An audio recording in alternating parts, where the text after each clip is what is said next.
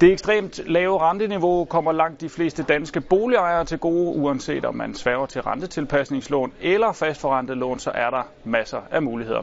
Og så skal jeg sige goddag velkommen til Jyske Bankkoncernens boligøkonom Mikkel Hø. Ja, hej.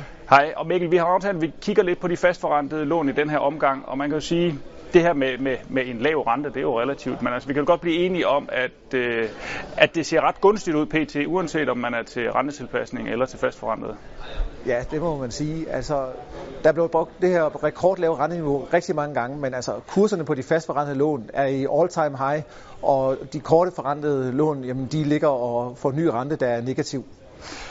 Og hvilke fastforrentede lån er det interessant for boligejerne at kigge på pt?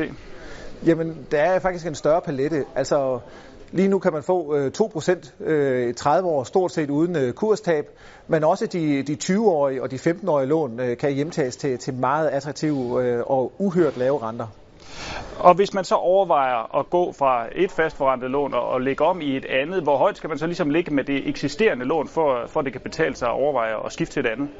Altså, hvis man skal være skudstikker, så, så er det fra, fra 3,5 procent. Øh, hvis man er sådan lidt mere gambleragtig, så kunne man måske overveje ved, ved 3 procenter. Men altså, fra 3,5 procent øh, og op efter, der er det i hvert fald helt sikkert en gevinst at ligge om. Og hvis man skal øh, lige holde fast i argumentet for at, at tage det her fast øh, forrentede lån, som jo ligger med, med en højere rente øh, end rentetilpasningslån, hvad er argumentet så for, for at blive det faste? Jamen, for det første kan man huske på, at de her lave renter, det er godt nok sagt mange gange, de kan jo godt gå hen og, og stige en dag. Så lige nu kan man altså få fastforrentet lån, der har en rente, der er lavere end den gennemsnitlige F1-rente over den tid, vi har haft F1-lån. Derudover skal man også være opmærksom på, at med fast rente, der får man også noget, noget ekstra udstyr på sit lån for den øh, mere pris, man betaler. Man får en bedre frivillig beskyttelse. Det vil sige, at hvis renten en dag skulle gå hen og stige, så falder huspriserne typisk, men så falder øh, den øh, ens gæld også med tilbage. Og det, det er altså en fordel, som man ikke må overse. Så, så man opsummerer, Mikkel, altså hvilke boligejere er det, der med fordel lige kan, kan hive øh, papirerne frem øh, og, og, og kigge på, om, om de, skal, de skal have tjekket deres boliglån?